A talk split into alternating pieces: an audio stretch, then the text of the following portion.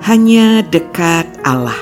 11 Agustus 2022 Kabar dari Emmaus Lukas 24 ayat 32 sampai 35 Sesungguhnya Tuhan telah bangkit dan telah menampakkan diri kepada Simon.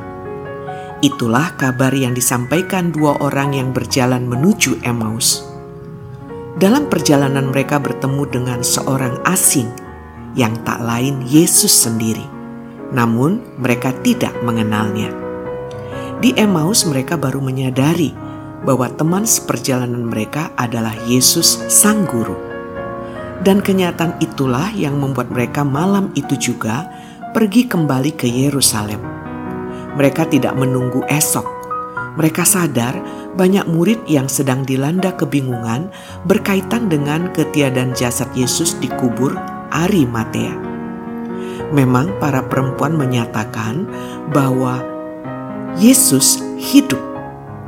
Namun, isu yang berkembang di tengah masyarakat ialah soal pencurian mayat.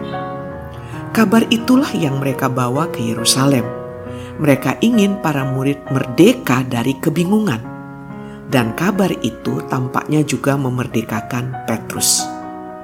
Penyangkalan Petrus kelihatannya telah menjadi buah bibir di kalangan para murid. Mungkin ada yang suara sumbang menyatakan bahwa Petrus tak layak lagi menjadi pemimpin.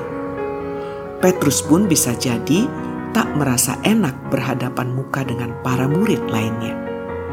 Penyebutan nama Simon memperlihatkan bahwa sang batu karang itu masih layak berada di lingkungan para murid.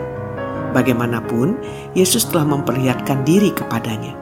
Kabar itu memulihkan posisi Petrus di mata para murid.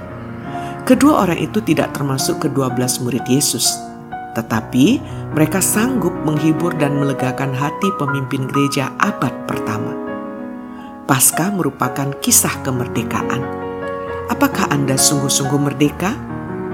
Jika jawabannya ya, maka Anda dipanggil pula untuk memerdekakan orang lain. Bagaimanapun, masih banyak orang yang belum merdeka.